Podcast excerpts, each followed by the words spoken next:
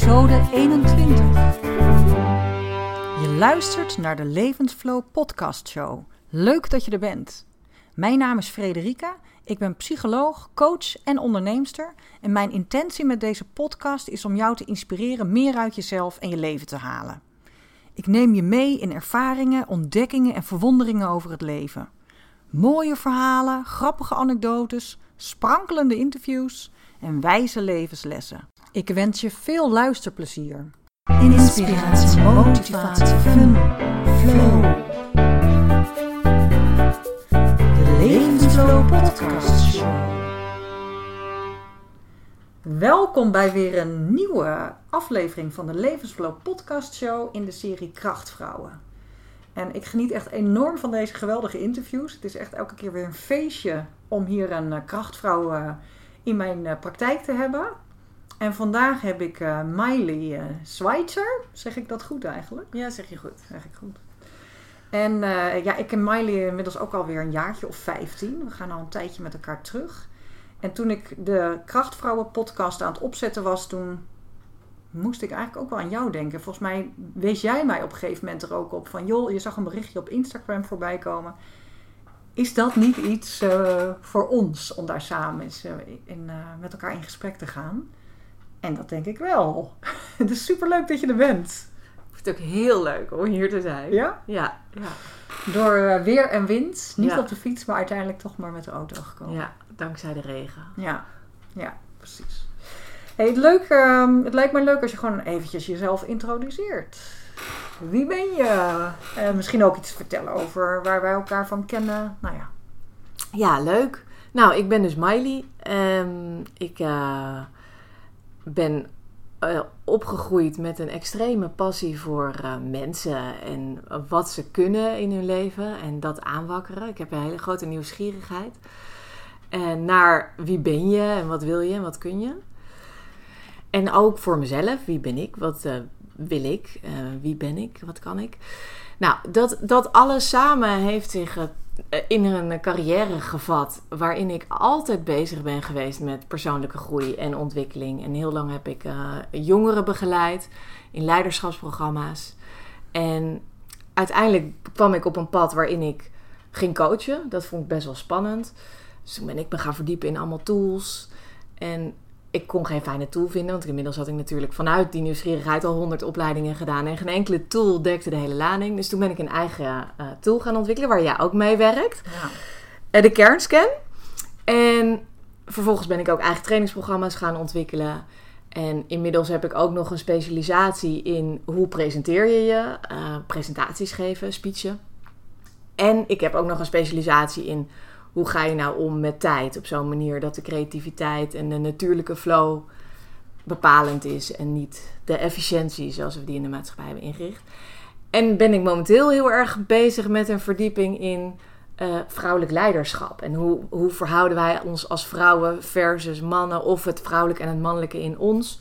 En hoe kunnen we daarmee omgaan? Nou, dat is een beetje mijn, mijn, mijn algemene, wat, waar mijn ziel behoefte aan heeft. Ja. Daarnaast ben ik ook moeder van drie kinderen. Heb ik een hele leuke man. En ben ik ook met een woondroom bezig. Waarmee we een uh, heilige plek in Nederland willen gaan creëren. Wauw.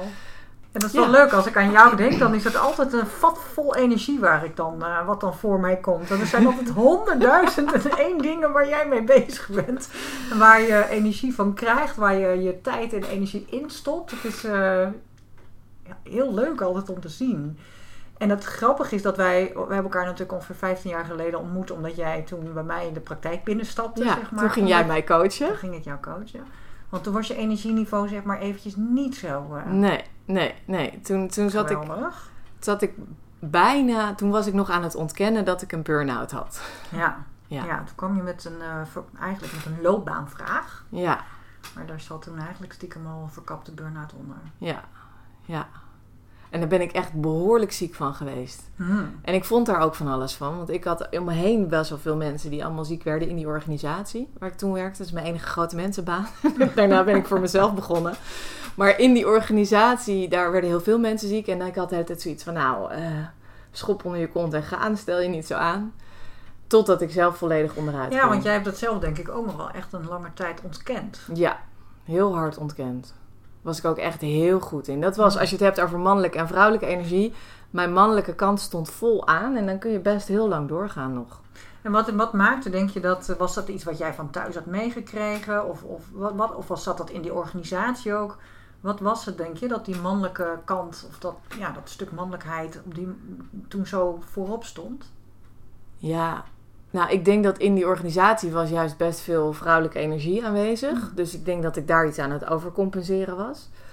Ehm, ik heb van huis uit wel ook veel voeding gekregen op de mannelijke energie. Uh, doorgaan en, uh, en, en, niet aanstellen. En überhaupt alles wat vrouwelijk was, was sowieso een beetje ingewikkeld. Um, en het is ook wel zo dat daarna ben ik heel hard aan de slag gegaan met waar gaat die burn-out over. En uh, daarin kwam steeds meer vrouwelijkheid naar voren. En dat kwam ook met heel veel tranen en emoties en verdriet en angst en pijn. Uh, dus zo'n burn-out stuurt dat natuurlijk naar boven. En ik ben het gewoon nog harder gaan onderdrukken. Nou, dat lukt niet met vrouwelijke kracht. Dus uh, daar had ik die mannelijke kracht voor nodig. Want, en wat bedoel je dan met dat die tranen en die pijn op dat vrouwelijke stuk naar boven kwamen? Ja, nou, omdat dat. Nou ja, goed, ja, dat is heel, heel. Jeetje, gaan we die slag in? Dat is een heel breed verhaal, hè? Oh. Maar goed, um, ik kijk of ik het kan samenvatten. Want er zijn, zijn een paar uh, stromen in. Enerzijds dat met de mildheid en de zelfacceptatie ga je dus naar de dingen kijken die je niet hebt geaccepteerd. Mm. En dat, dat gaat al schuren. Nou, met mannelijkheid kom, kom je daar niet, zeg maar. Daar, daar is een soort van vertrouwen voor nodig. Een soort van, als je het hebt over mannelijk en vrouwelijk in jezelf, dan gaat voor mij vrouwelijk heel erg over accepteren wat er is en bedding geven en voelen wat er is en het door je heen laten stromen.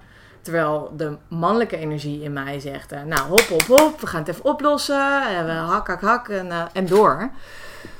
Um, dus op het moment dat, uh, dat die tranen eenmaal komen en het wil niet meer onderdrukt worden, dan, dan komt er dus zachtheid en Mm. mildheid. En Ja, ja, maar dus, die kwam wel. nou, uiteindelijk heb ik heel hard voor gewerkt.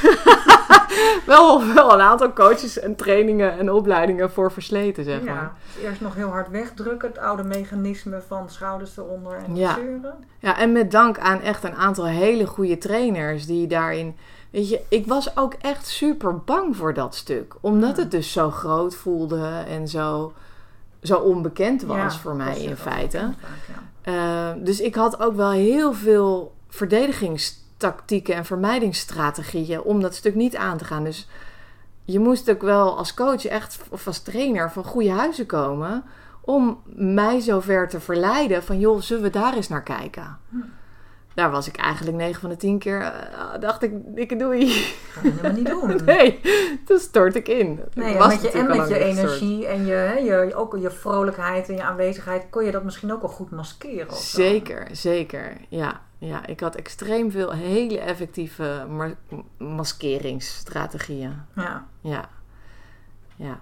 En de andere stroom, want ik zei net van ja, op dat vrouwelijke, er zitten twee stromen. Het andere stuk gaat echt ook over ehm, het mogen leunen bij de vrouwen. Het aannemen van de vrouwenlijn. Het Hmm. vrouwelijke überhaupt toelaten. eh, de steun. En, nou, dat stuk, daar heb ik ook wel honderd systemische opstellingen Hmm. voor moeten doen.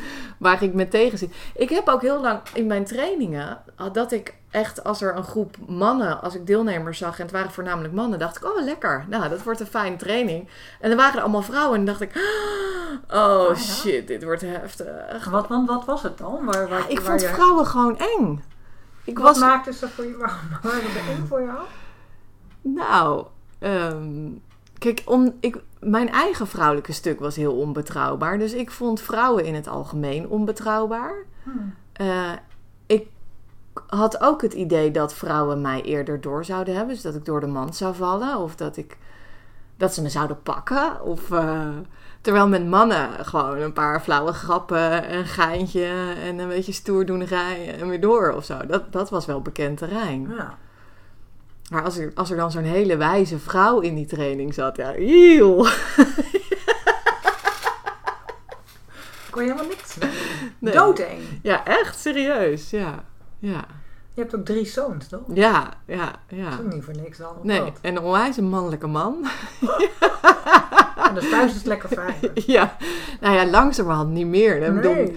Ik weet nog dat eh, bij eh, de, de tweede, toen ik zwanger was van de tweede, wisten we niet wat het ging worden. En ik dacht dus dat het een meisje werd. En toen werd hij geboren, was een jongetje. Nou, ja, helemaal prima, want het was een heel leuk kind en alles was gezond. En ben je op zich natuurlijk als moeder heel gelukkig. Maar ik heb wel twee dagen moeten wennen aan het idee, oh, het is een jongen.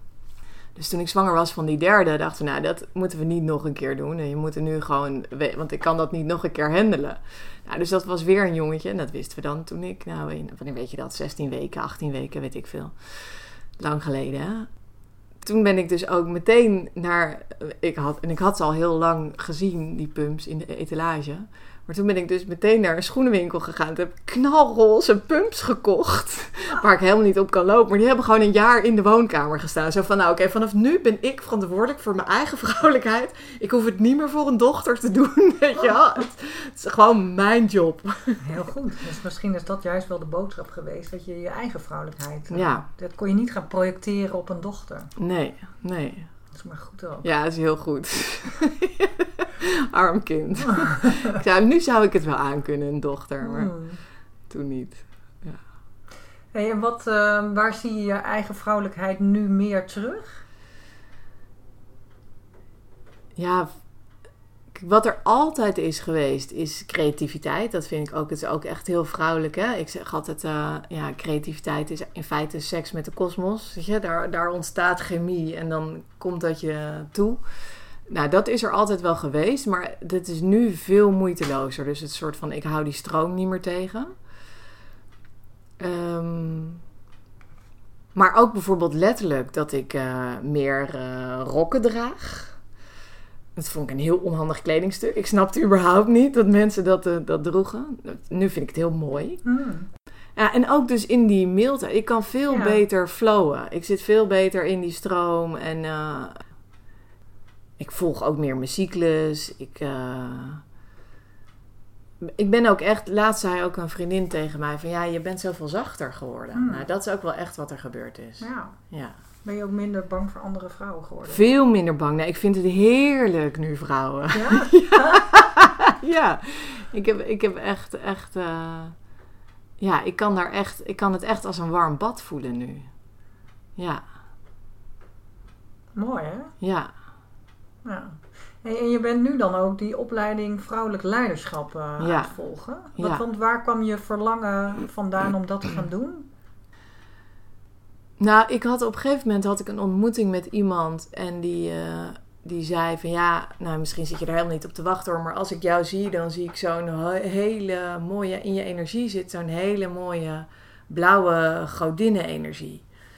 En het was helemaal out of context, maar ik moest er waanzinnig van huilen. Dus ik dacht echt, nou jeetje, jij raakt iets wat bij mij volledig onbewust is. en, Mhm. eh, maar wat kennelijk wel gezien wil worden, want anders dan... eh, Raakt het niet zo? ja, precies. Dus toen ben ik eh, gaan zoeken. Ben ik godinnenkaarten gaan kopen. Ik denk, nou, eens even kijken wat het is met dat godinnenwerk. En er van alles over gaan lezen. Het boek Godin in elke vrouw. maar ja, ik kwam er niet helemaal uit. En toen ben ik bij die vrouw die dat zei, die was ook coach. En ben ik bij haar, heb ik haar gebeld van, joh, jij hebt dit aangeraakt. Ik ben er nu een half jaar zelf mee aan het pruttelen. Ehm, ik kom er niet uit. Wil je me helpen? Want ik wil er wel wat mee. En eh, nou, dat was een hele intense sessie waar echt heel veel in beweging is gebracht. Ook weer tranen met tuiten. En daarna voelde mijn lijf ook echt een week alsof er een vrachtwagen overheen was gereden. En toen begon het een beetje te stromen. En ehm, Kon je toen al een beetje plaatsen waar die pijn en dat verdriet op dat moment mee te maken had? ja, toen kwam het inzicht van: oh ja, dit is een stuk wat ik echt verwaarloosd heb. En wat ik eigenlijk heel erg, waar ik eigenlijk heel, waar ik me heel, waar ik ook bij thuis kom. Dus het Ja. is een soort van, het was een soort van thuiskomen bij een stukje waarvan ik op een dieper niveau wist dat het er was. Maar op rationeel, aardsniveau eh, geen idee had dat het er was. Laat staan hoe ik ermee in contact moest komen. Dus dat heeft zij geopend. En toen zei zij van, nou, als je hier meer mee wil, dan geef ik nog een zesdaagse samen met iemand anders. En dat zijn hele mooie dagen geweest, waarin steeds een stukje werd, werd opgeschoond eigenlijk. En, waar, En- wat was dan de, de overkoepel, of hoe heette die zes dagen? Wat, ja, wat- dat wat was dus het? ook iets met leiderschap Ja. en vrouwelijkheid. En, en, en aan het einde van die zesdaagse kregen we een inwijdingsritueel met het Joni-ei. En ehm, weet je wat, eh, heb je daar... Nou, eh, ik weet er niets. Maar, en zeker mensen die aan het luisteren zijn, denken misschien... Wat? eh, Wat? Wat? Wat? Nou, Yoni-ei, dat is uit de, uit de Taoïstische traditie. Eh, waarbij onder andere de concubines van de keizer werden ingewijd in eh, die technieken om de keizer zo goed mogelijk te bevredigen. En het gaat erover, het is een kristallen ei, meestal van jade, maar langzamerhand ook van allerlei andere eh, kristalsoorten. Waar je dus allerlei oefeningen mee doet. En uiteindelijk die je uiteindelijk vaginaal inbrengt. En dan kan je ook intern nog allemaal oefeningen doen om gewoon je bekkenbodemspieren te trainen. Maar ook de, de spieren en, dus en ook alle zenuwuiteinden in je baarmoederhals en al die dingen. Waardoor je daar dus sensitiever wordt. Mhm. Ehm, maar ook allerlei dingen aanraakt op het gebied van je eigen vrouwelijkheid. Zonder dat dat dus gaat over pure seks gericht op voortplanting. Maar veel meer over de seksualiteit in jezelf. En Nou ja, maar seksualiteit, dat, bedoel, we zien het vaak... We hebben er natuurlijk een bepaald idee over, maar er zit zoveel levensenergie ook, toch? In, in Absoluut. al die... ja, ehm, nou ja, goed. Ja, ja, vrouwelijkheid is seksualiteit. En dat is ook wel een stukje wat, waarvan ik, weet je, ik bedoel, ik heb dus honderd opleidingen gedaan om heel therapeutisch met mezelf aan de slag te gaan. Eh, en ik ben nu dat stukje seksualiteit aan het meenemen daarin. Maar zit ook ik- sensualiteit, is het ook. Het is ook Absoluut. levenskracht. Het is jezelf kunnen omarmen of Ja. accepteren zoals je bent. Volgens mij heeft het ook heel met al met die elementen te Zeker, zeker. En voor mij is het dus, zeg maar, je kunt de route, in feite met al die opleidingen die ik heb gedaan, een soort van route van buiten naar binnen. Mhm. En als je, als je lef hebt, maar het is natuurlijk ook super spannend, hè, want we zijn dat helemaal niet gewend in onze maatschappij. Maar om naar de seksualiteit te gaan kijken en die te gaan ontwikkelen, dan ga je een soort van binnenuit werken. Mhm. En volgens mij kun je die route die ik heb afgelegd van ontwikkeling. Ik, bedoel, ik weet het niet, hè, dit is een aanname, maar dit is iets wat ik aan het onderzoeken ben.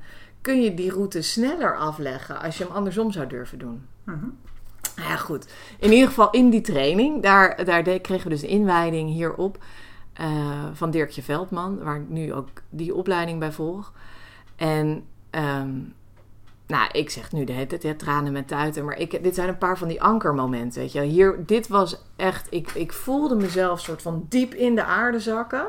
Helemaal naar het binnenste magnum, naar dat vuur. En dat ik echt voelde van, wow, hier kom ik vandaan. Je, Ah. dit, dit is echt thuiskomen. Dit is de oorsprong. Dit is een weten wat ik wist, waarvan ik geen idee had, waar ik al die tijd naar zocht. En eh, ja, dat was echt een mega spirituele ervaring. En wanneer was dit? Ja, drie jaar geleden? Nou ja, toch alweer zo lang geleden. joh. Ja, nou misschien twee jaar. Ik, ik raak altijd de tijd Ja, een beetje kwijt. het is ook tijd, hè. Ja, is ook zo. Nou ja, goed. Maar in ieder geval, en toen vertelde ze... en was dat dan een soort van, want ik hoor dit soort verhalen vaker. En dat Ja. soms heeft, sommige mensen hebben het, nou ja, jij hebt het dan heel erg met diep in de aarde eigenlijk. Je Ja, hebt ook mensen die hebben het juist met de wolken of de lucht Ja. of met eh, andere. Maar dat, inderdaad, dat diepe weten. En dat is vaak maar een fractie van een seconde. ja. Of het is, het is niet zo dat je nu de rest van je leven in die staat Nee, verkeert, toch? zeker niet. Zeker niet. Nee, nu ben ik dus desperaat op zoek naar hoe kom ik daar weer?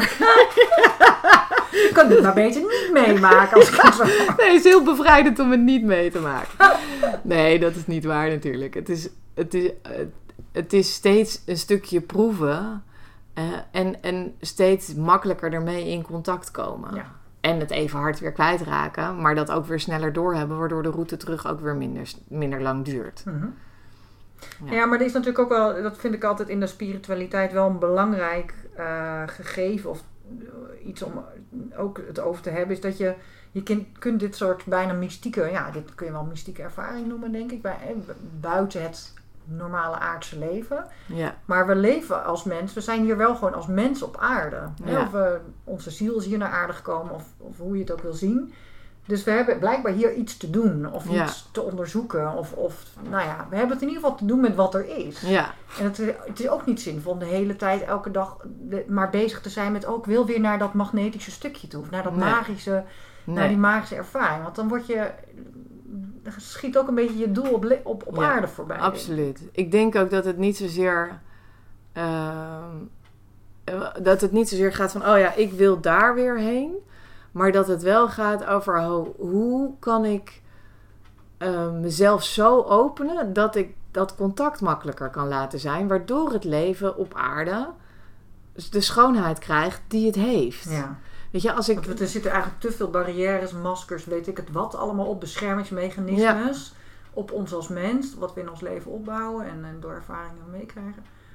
Ehm, terwijl dat niet nodig ja, Precies, terwijl we als we dat is. opruimen en een soort van open eh, eh, kunnen zijn, en dan, dan is er zoveel moois om wel aan te nemen. Ja.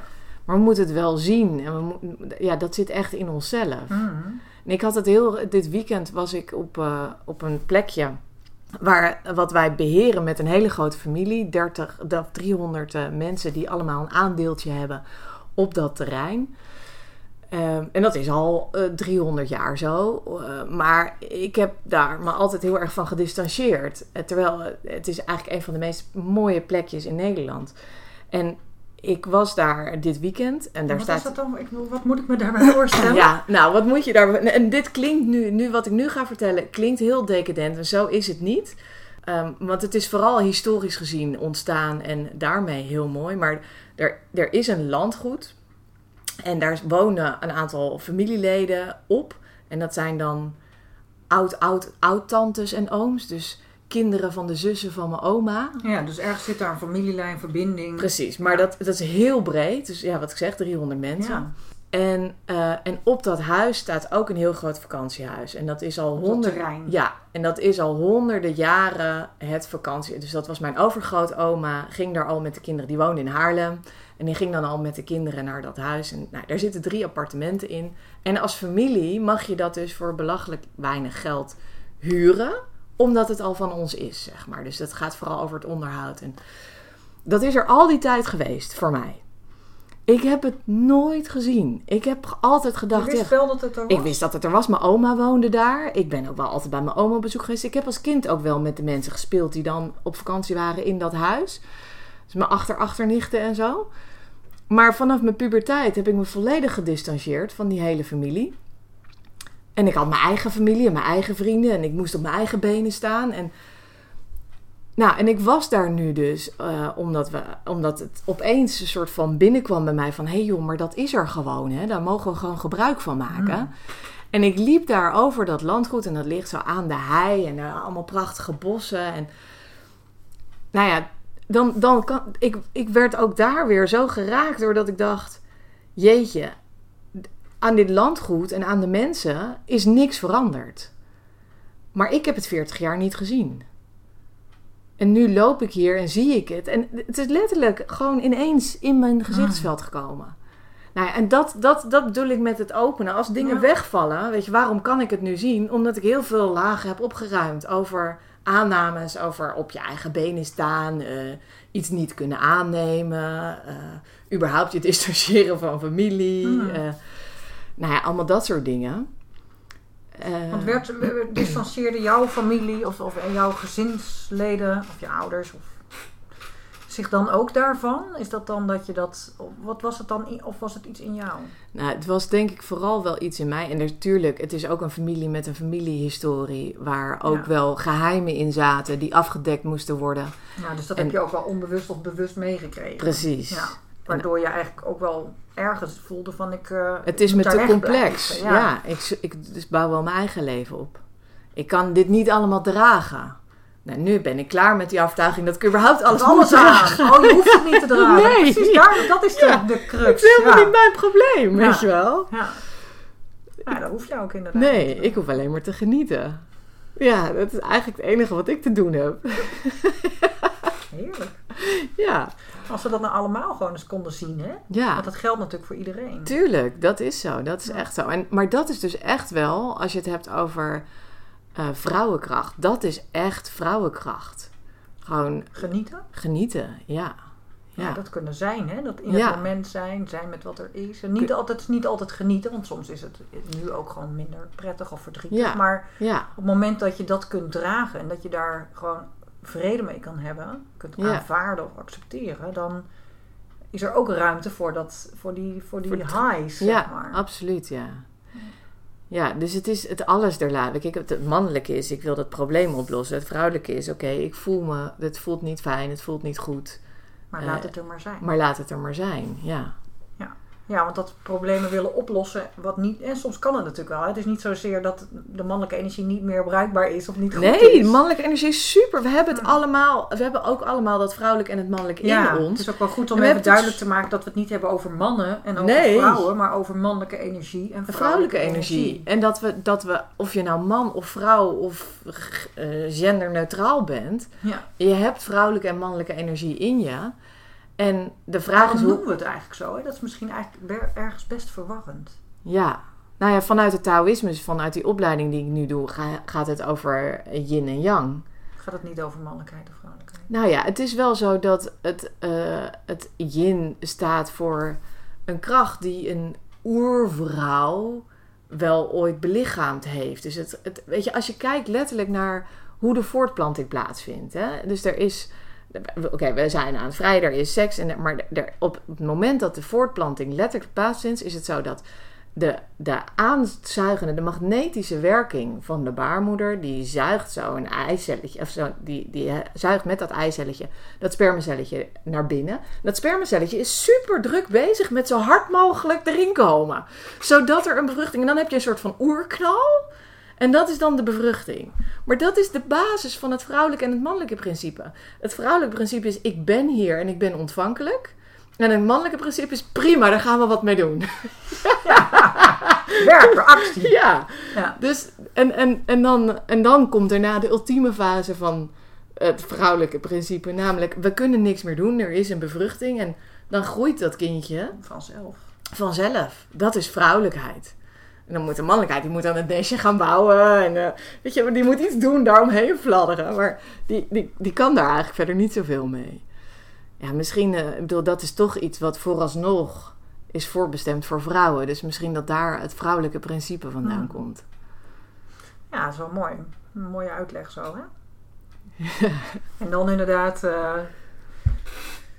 terug naar hè, to- dat, dat het goed is om te realiseren dat de mannelijkheid en de vrouwelijkheid in ieder mens aanwezig is. En dat Ja. het voor de balans, hè, de, je zei het al, de, de yin en de yang. Ja, dus dat het belangrijk is dat, die, dat daar balans is in die mannelijkheid en vrouwelijkheid. Ja.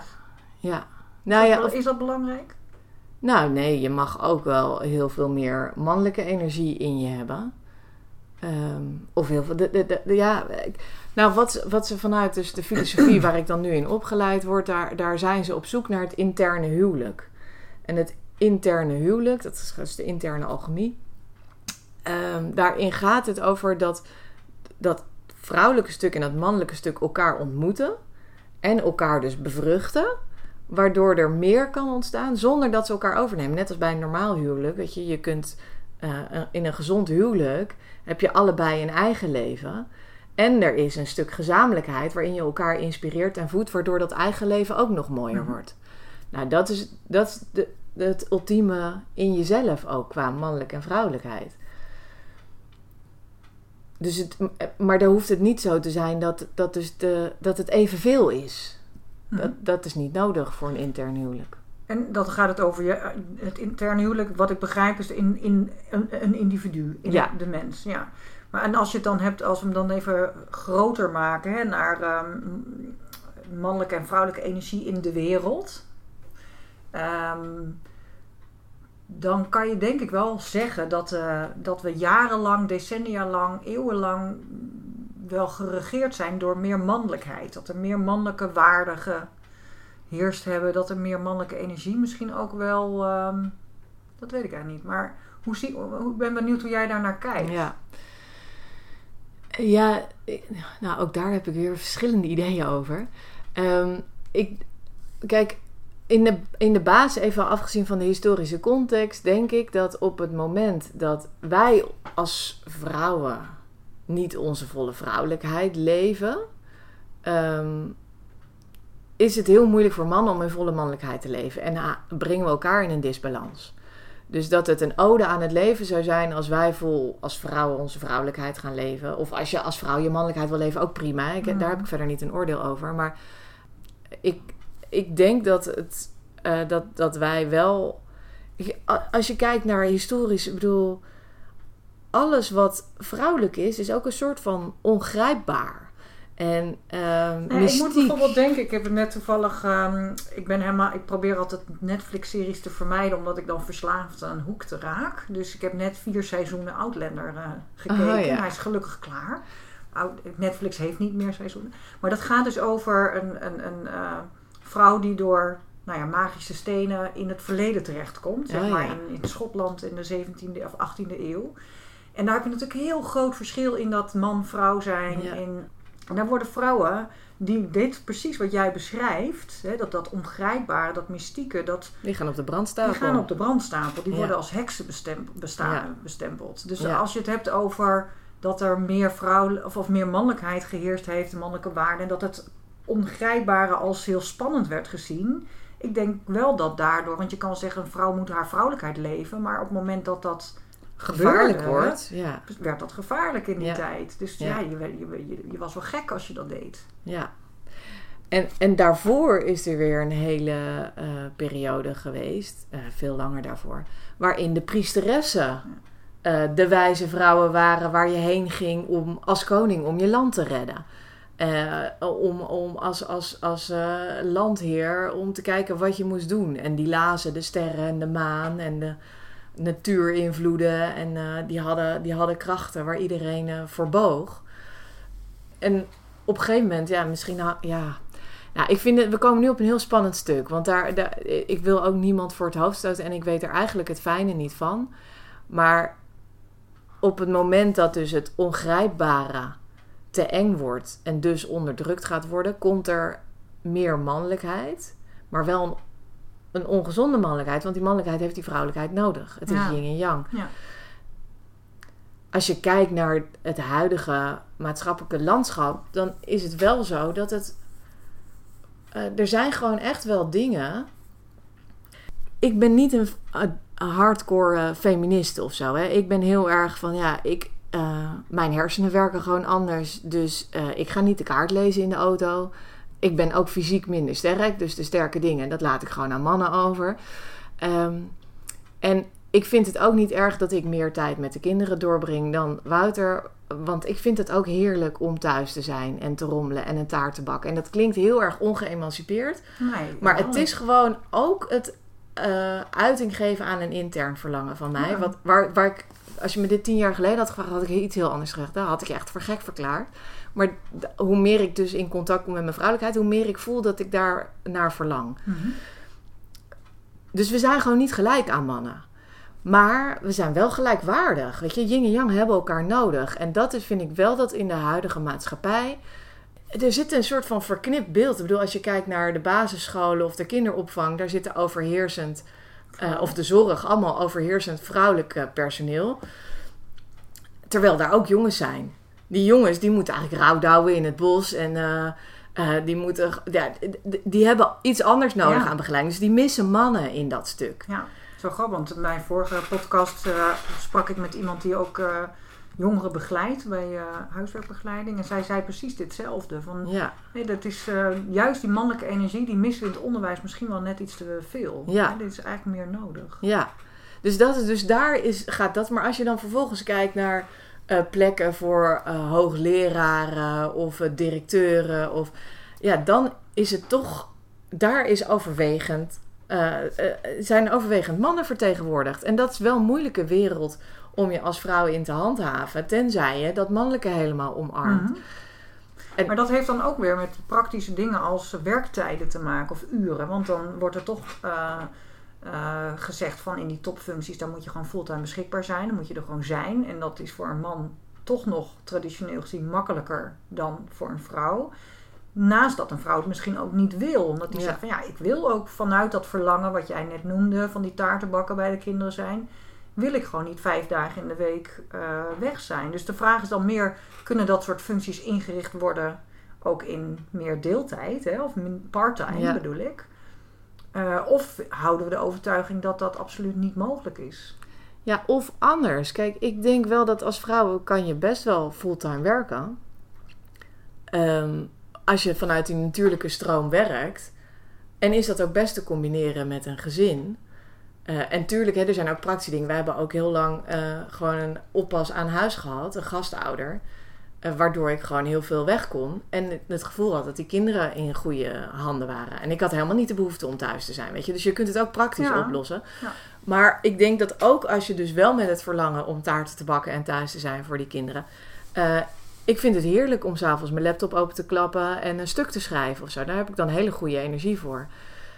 Dus dat als, als, als er meer flexibiliteit is, dan kan daar heel veel. veel. vastzitten aan het vaste systeem zoals we nu denken dat het hoort. Dat je van 9 ja. tot 5 of van 9 ja. tot 6 bereikbaar moet Ben ik überhaupt eigenlijk. Ik, eh, alles wat vastzit in systemen vind ik heel ingewikkeld. Ja. Maar dat is ook niet vrouwelijk. Nee. ja. Nee, ja, wij, wij, wij, als, zeg maar, het vrouwelijke meandert mee. En kan met elke willekeurige omstandigheid uh, omgaan. Dat is wat, wat er van oorsprong. We, we bewegen mee als water. Moeder Aarde doet haar ding wel. Ja, zo. Mhm. Ja. Is het niet zo dat deze tijd um, om meer balans vraagt en dat dat om die balans te creëren misschien wel nodig is dat die vrouwelijkheid op dit moment meer ruimte gaat krijgen? Ja, maar en, en ik denk dus dat dat ook. Um, heel organisch. Weet je, ik zie, ik ben, ik volg niet zo heel veel Insta-dingen, maar ik zie wel, misschien is het mijn bubbel, hè, gaat Insta het zeggen, deze mensen moet je ook mhm. volgen. Maar ik zie wel heel veel vrouwen die iets doen met self-pleasure, die iets doen met uh, vrouwelijke sensualiteit, die iets doen met uh, gatherings voor vrouwengroepen. Um, en ik denk wel dat dat een manier is om ons als vrouwen te laven en te voeden en elkaar te inspireren. Um, en te steunen. Ja, maar wel niet als een soort van opzetten tegen Precies. de mannelijkheid. Of nee, helemaal niet. Nee, maar en, en dus ook niet per se heel erg weer geïnstitutionaliseerd. Omdat het dan gaat het weer zo, zo, werkt, zo werkt het vrouwelijke niet of zo, weet je Dus het moet ook, er is een soort van, er is een spontane beweging waar er steeds meer voeding wordt gegeven aan. En hoe meer voeding er wordt gegeven aan, hoe meer behoefte er ontstaat. Ja, en ik denk ook wel dat die behoefte er ook, dat, dat er toch wel een stuk van onderdrukking is geweest. En dat vrouwen, hè, waar we nu, ik heb dan ook zo'n vrouwengroep, dat leiderschap, lef en levensflow. Um, jij zegt, ik werk inmiddels graag met vrouwen of, of vind dat makkelijker ik denk dat er ook hele lange tijd wel een soort van. van ik vind mannen ook nog steeds makkelijk trouwens. Ja, ik vind het allebei leuk. maar, okay. maar dat er toch lange tijd wel een soort van weerstand of een soort van uh, secteachtig gevoel misschien wel erbij kwam. Dat op het moment dat je. En misschien is dat wel in groepen in het algemeen hoor. Maar dat, dat, dat er toch nog wel een soort van heel kriebeligheid of zo zit. Zeker. In, in. Terwijl dat is de ene kant. Maar doordat er dus meer uh, openheid in komt zie je ook dat het naast de kriebeligheid, want kriebeligheid en weerstand is eigenlijk altijd een teken dat er een verlangen onder zit. Op het moment dat je weerstand of kriebeligheid gaat voelen, dan weet je eigenlijk, oh hier zit iets. En dat kan ik heel lang weg blijven stoppen. Hè? Ja. Dat stoppen we in het potje. Dan gaan we gewoon weer door. Of geef ik dat dan meer ruimte? Ga ik dat onderzoeken? Mag ik dat gaan ontdekken? En dan kom je dus inderdaad wel bij dat zachtere, mildere stuk. En dan zie je dus dat vrouwen het eigenlijk stiekem wel heel erg fijn vinden om met elkaar die dingen te delen. En met elkaar ehm, die mildheid en zachtheid te ontwikkelen en op te zoeken. Los van dat het niet, niet zo van nou en nu zijn we allemaal lesbisch en we zijn nu allemaal vrouwen en we willen niks meer met mannen te maken hebben. Nee, sterker nog, door daar als vrouw mee aan de slag te gaan ehm, en je daarvoor open te stellen en dat van je, uh, bij jezelf te ontwikkelen, kun je ook weer die, dat, die vrouwelijke kracht in die mannen veel beter uh, ruimte geven, volgens mij. Want ik, ik geloof er ook in dat ook mannen ernaar verlangen om ja, ook die milde, zachte kant in zichzelf meer ruimte te geven. Niet altijd maar stoer te hoeven zijn of te moeten. Dat, dat, ik denk dat mannen daar ook onder lijden. Ja. En ik denk dat mannen er ook onder lijden dat het, uh, het mannelijke ook onderdrukt moet worden. Het rauwe oer. Ja, uh, ja, ja. het is nu ook allemaal een beetje geciviliseerd. Ja, een beetje dat is ook eigenlijk heel ongezond. En vind ik ook, ook als vrouw wil ik ook graag Zo, Ja, ja, die, moet- die, je even alle hoeken van de kamer laten waar. zien, weet je wel. Eh, Dus, ehm, eh, ja, en ik vind altijd het gevaarlijk van als ik dan dit soort dingen ga zeggen, dat het weer gaat over wij als vrouwen hebben meer vrouwen te zijn en mannen. Nee, Dat is het helemaal niet, want het gaat ook weer, het is precies, zeg maar dat, en dat vind ik zo mooi. Dat is natuurlijk ook als je kijkt naar op celniveau op het lichaam, wat er out there gebeurt, wat er in de wereld gebeurt, dat gebeurt ook allemaal in jezelf. Dus als we het hebben over mannelijk en vrouwelijk, dat, het gaat dus net zo hard als dat ik wil dat eh, die man me alle hoeken van de kamer laat zien, wil ik ook dat mijn mannelijke stuk in mij gewoon keihard mannelijk mag zijn. Weet je, Mm. ik, ik- het is echt een kracht van mij dat ik eh, doortastend kan zijn, dat ik dingen gedaan krijg, dat ik snel besluiten kan nemen, dat ik van actie en beweging hou. Ja. Ehm, en dat is helemaal oké als mijn vrouwelijke stuk er ook meer mag zijn. Dus ik mag ook, en dat is echt nieuw voor mij, met kaarsjes eh, aan en een muziekje aan in bad.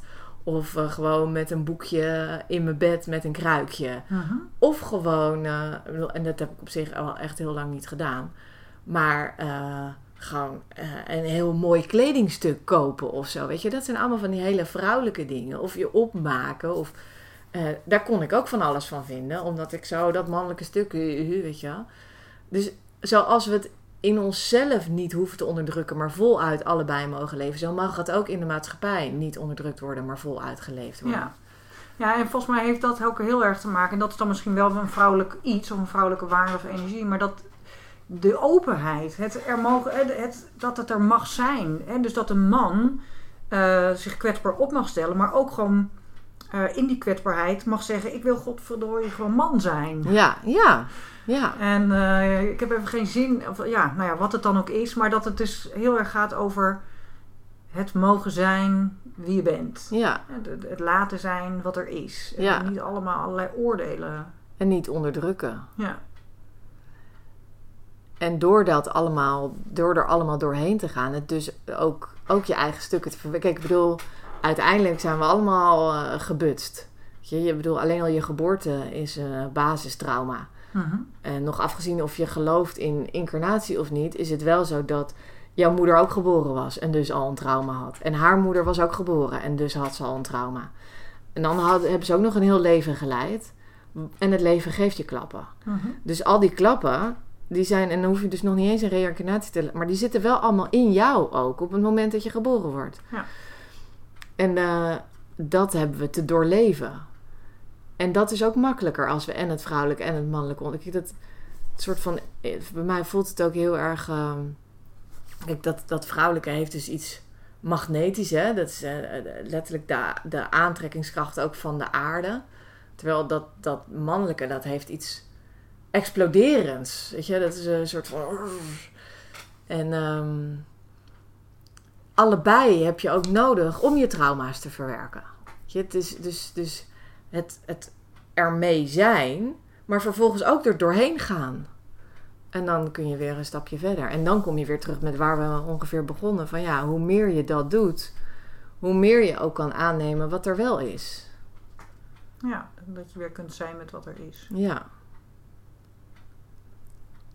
Mooi hè? Ja, ja, ik vind, ik vind wel. eh, Razend interessante materie allemaal. Ja, super interessant. Want het is ook zo dat ik bijvoorbeeld door deze opleiding. Nou, ja, daar hebben wij het ook wel eens over gehad. Dat bijvoorbeeld de kernscan is ook een typisch voorbeeld van een vrouwelijk instrument. Omdat het heel intuïtief werkt. Omdat het heel erg een soort van iets naar boven haalt wat je bijna niet onder woorden kunt brengen.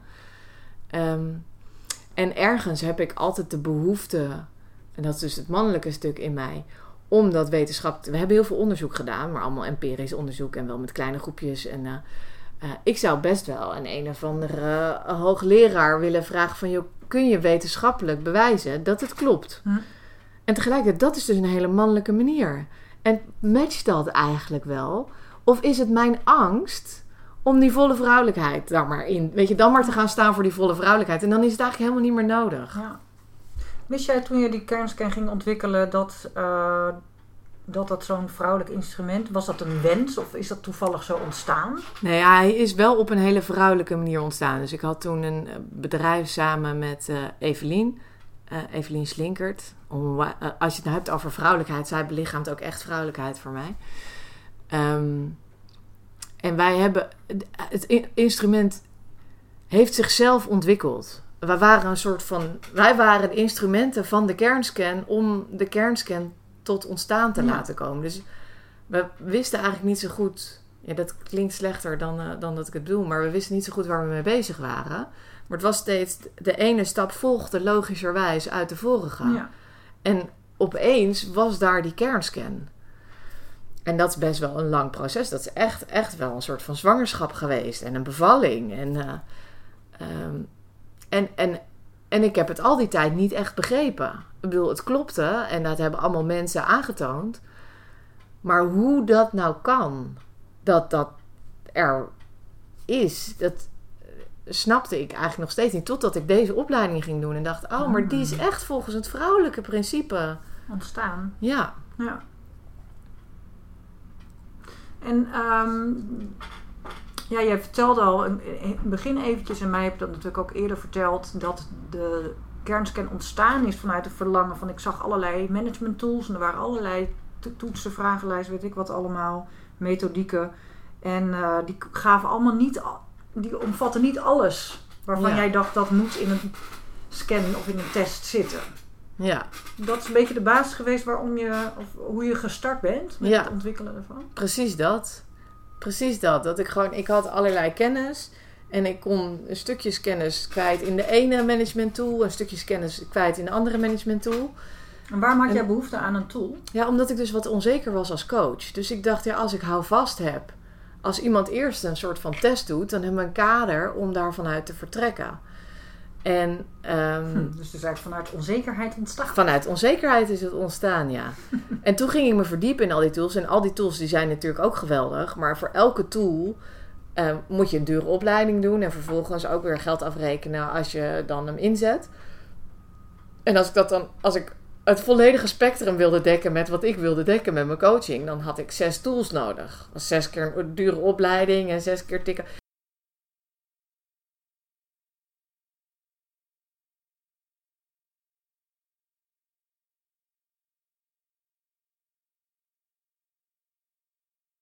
Ja, dus je kunt moeilijk tegen een coach zeggen: Nou, leuk, we gaan een traject starten. Ik wil graag dat je eerst even test uh, A, B, C, D, E en F gaat invullen. Dat kost je dan ongeveer 1000 euro en daarna gaan we een Kan natuurlijk niet. Dus vanuit dat idee dachten we: Nou, dan kunnen we beter zelf een tool ontwikkelen. dat was wel een beetje een Noord-Zuidlijn uh, traject. Dus uh, elke keer hadden we een stuk ontwikkeld en dan was het nog niet goed. En dacht je: Ja, we hebben nu zoveel geïnvesteerd, we moeten het nog een keer doen. Um, maar nu denk ik, ja, weet je, het is wel echt een hele mooie tool geworden. En waar, waar, die, waar heel veel coaches toch genoegen nemen met bewustzijn als resultaat van hun coachtraject.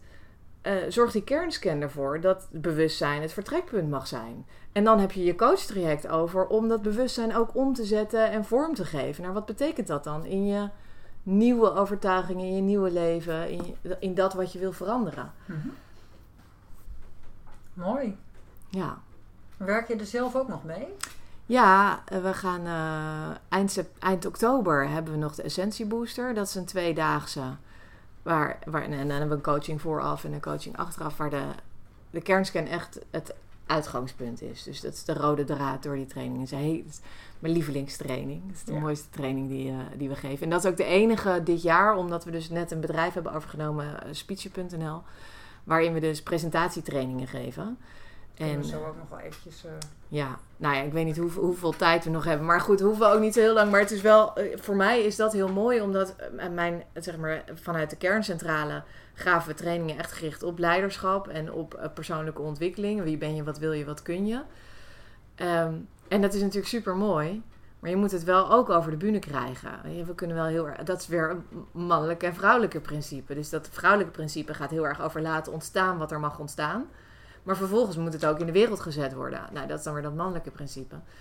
Dus nu hebben we dat presenteren erbij. En dat voelt echt als een soort van kers op de taart. Van nou oké, we, kunnen, we kunnen en helemaal aan de slag op het punt van... hé hey joh, ik ben gereïntegreerd vanuit mijn burn-out ik vind mijn werk niet meer leuk. Wat nu?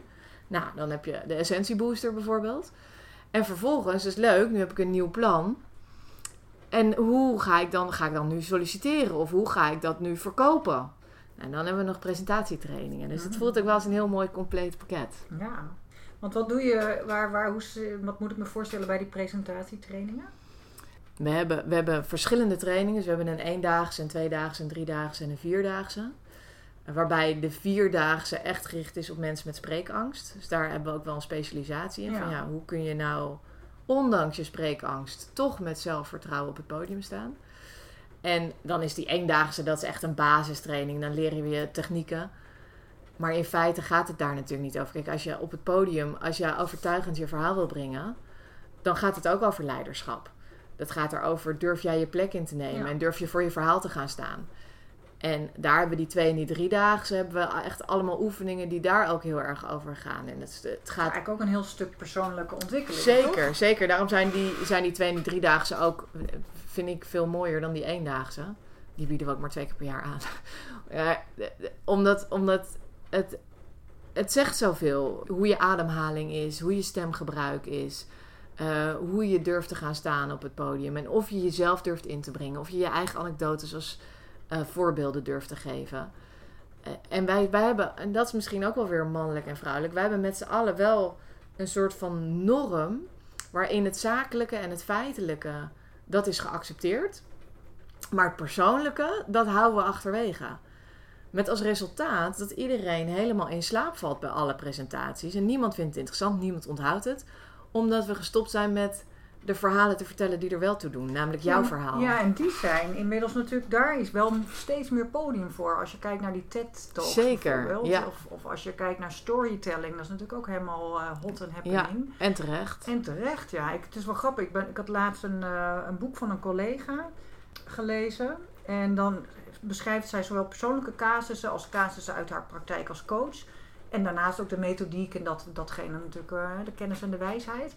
Maar met name die casussen, Ja. die zijn om te smullen of te Ja. smullen. Maar dan Ja. leeft het, dan weet je het. En dat is ook met die TED-talks of met een speech op het podium. Op het moment dat daar een persoonlijk element in komt. Op het moment dat je je als mens daarin kunt herkennen. Want we zijn uiteindelijk natuurlijk allemaal mensen. Al die Precies. verhalen zijn universeel en die, die kennen we. Ja. Iets, we- iets daarin raakt. Dus dat, dat willen we horen. En gel- daar komt gelukkig wel steeds meer eh, Ruimte voor. ruimte voor. Dus we, beginnen, dus we beginnen te begrijpen dat het belangrijk is. Wat niet wegneemt dat nog steeds 90% van de mensen spreekschroom heeft. Eh, eh, dus bang om zichzelf te... En dat zit bijna in ons oerbrein. Hè? De angst om de onbekende te ontmoeten. Ja, in de tijd van dat we nog eh, jagers en verzamelaars werkten, waren... en je kwam een andere stam tegen en je ging daar even vol voor staan... dan kon je kop eraf gehakt worden. Of je kreeg een enge Ja. ziekte. Of, dus we hebben vanuit ons oerbrein in de basis een angst om op het podium te gaan staan. En al helemaal om onszelf te laten zien. Ja. Dus dat, eh, dat het besef komt van, oh ja, hè, verhalen mogen steeds meer, dat schept ruimte. En tegelijkertijd wordt dus de onrust ook ja, groter. want we voelen die, die angst zit onder onze huid, in onze Precies. cellen. En we weten nu, oh ja, met, alleen maar met die feiten kom ik er eigenlijk niet meer. Als ik, als ik, als ik als een professional het wil doen, dan moet ik dus meer gaan brengen dan de feiten. Maar ja, dan word ik eigenlijk helemaal gek, want dan moet ik mezelf laten zien. Ja. Nou, dat stuk, daar kunnen we dan mee aan de slag. En jij bent, eh, als ik je hele verhaal zo hoor, jezelf ook steeds meer gaan laten zien. Ja, Toch? ja, nee, ja zeker. Want je Met praat als- ook heel open nu hier over alle... Nou ja, Ja. Nou, ja, weet je wat voor mij echt wel... eh, het is heel bizar. eh, dat heb ik me helemaal niet gerealiseerd. Maar hoe therapeutisch dat is geweest. Maar toen ik 40 werd, heb ik natuurlijk de Sprankelshow gegeven. Dus dat was een theatershow met eh 250 man in die zaal. Bekende en onbekende. En daar ben ik heel lang, heb ik, heb, dan ging ik zelf een presentatie geven. En ik was al heel lang presentatietrainer, dus ik ken eh, de trucjes en ik weet wat er moet gebeuren. En, ja, ik heb dus ook een coach genomen om dat stuk eh, allemaal eh, uit te werken en voor te bereiden en het daar ook te geven. En het zo vol naakt gaan staan met zowel bekende als onbekende zorgde er dus voor. Ik kon het ook niet mooier maken dan het was, want er waren ook allemaal mensen in de zaal die me kenden. Dus ik kon niks faken, ik kon niet een mooi verhaal ophangen. Eh, ik kon niets meer dan mezelf laten zien. En dat was waar het over ging. Ja, en daarna is er dus van alles opengebroken in Ja? mij. Ja, het is echt bizar. Maar daarna dacht ik, ja, ik heb nu dus niks meer te verliezen. Want ik heb het allemaal al laten zien. Ja, Ja. Had je dat van tevoren kunnen bedenken? Nee, had ik helemaal. Het was alleen maar dat verlangen van: oh ja, wat ga ik doen? Ik word 40, ik wil iets bijzonders. Waarbij ik en mijn vrienden mee kan nemen in mijn proces van de afgelopen jaren. En eh, ook onbekende eh, eh, mee kan nemen in mijn verhaal. En misschien ook nog wel van: nou, dit verhaal wil ik wel vaker voor eh, events houden. En op eh, ja, b- bedrijfstraining aspecten, weet je. Ik, volgend jaar heb, is al geboekt, vind ik dus heel leuk. Eh, Zo'n zaal met, eh, als dat dan weer mag, hè. Eh, 120 werknemers die dan geïnspireerd moeten worden. Nou, dan mag ik een verkorte versie van de Sprankelshow gaan geven. Cool. Ja, super tof. Eh, dus dat, dat, die hoop zat er wel een beetje onder. Van nou, misschien kan ik wel het verhaal zo aanscherpen dat dat ook meer... Want ik, hou, ik ben natuurlijk niet voor niks ook presentatietrainer. Ik hou gewoon van het podium. En ik vind het heerlijk om mensen te inspireren en mee te nemen. En dat is ook wat ik als trainer fijn vind. Om je een beetje te prikkelen en eh, te begeleiden in het krijgen van zelfinzicht. Ja. Ehm, dus dat zat er wel een beetje in. Maar dit hele stuk van, ja, nou ja, als ik het, als ik het heel erg samenvat, is het gewoon zelfheling Ik geweest. zeggen, Ja. zelfacceptatie. Ja, Ja. ja, Zelfheling en zelfacceptatie als Ja. gevolg.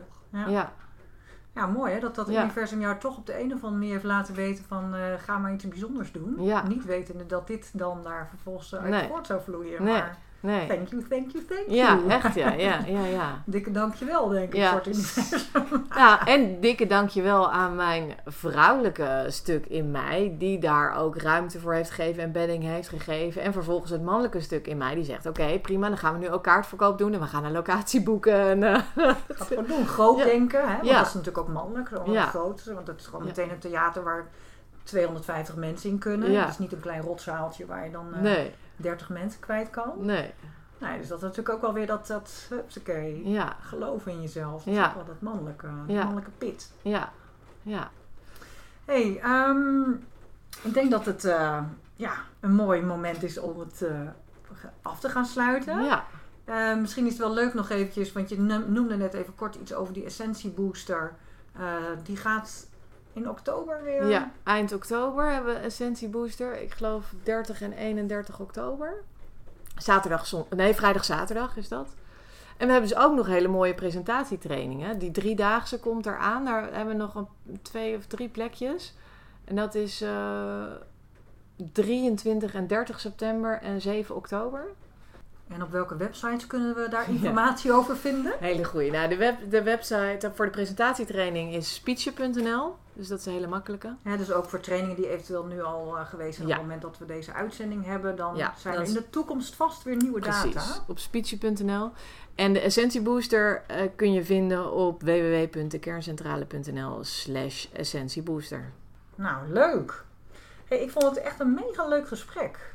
Nou, ik vond het ook echt heel gezellig. Ik denk ook dat we nog uren door hadden kunnen gaan. Ja. Maar dat het ook goed is om Ja. af te ronden. Nou ja, misschien doen we dat op een ander moment wel weer. Dat we denken van jeetje, goh, we gaan nog eens een podcast opnemen Ja. over een ander onderwerp. Ja, Maar voor nu is het denk ik eh, al hartstikke leuk om het eh, hierbij te laten. ja, leuk. Ja, geweldig dat je weer geluisterd hebt. Dankjewel. Ik hoop dat je net zo geïnspireerd bent geraakt eh, als ik. En als je het nou een leuke podcast vond, geef het even een like. En dan ontmoet ik je heel graag weer bij een volgende podcast.